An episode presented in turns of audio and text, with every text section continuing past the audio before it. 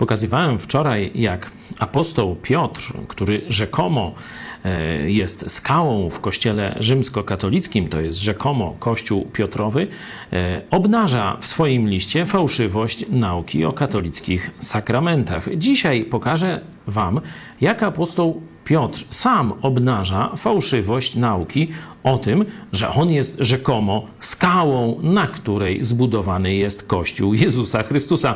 No to już w samym tym jest śmieszność, no bo jak jest Kościół Jezusa Chrystusa, to chyba na nim jest zbudowany, a nie na jakiejś innej osobie i do tego człowieku, i to człowieku bardzo, bardzo ułomnym i kilkukrotnie niewiernym.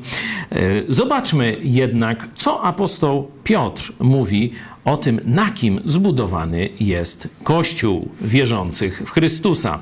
Pierwszy list apostoła Piotra, e, drugi e, rozdział, wersety od trzeciego czytam. Gdyżeście zakosztowali, iż dobrotliwy jest Pan, mówi o Jezusie Chrystusie.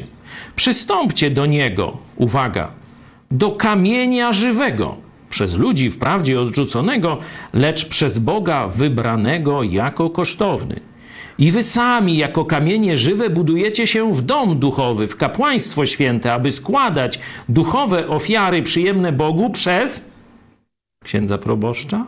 Nie. Przez Jezusa Chrystusa. Dlatego to powiedziane jest w piśmie. Oto kładę na Syjonie kamień węgielny, wybrany, kosztowny, a kto weń wierzy, nie zawiedzie się. Dla was, którzy wierzycie, jest on rzeczą cenną. Dla niewierzących zaś kamień ten, którym wzgardzili budowniczowie, pozostał kamieniem węgielnym, ale też kamieniem, o który się potknął i skałą zgorszenia.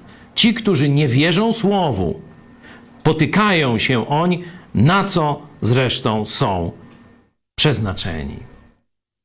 Dla apostoła Piotra nie było żadnej wątpliwości, kto jest kamieniem i skałą Kościoła, w którym on miał przywilej służyć.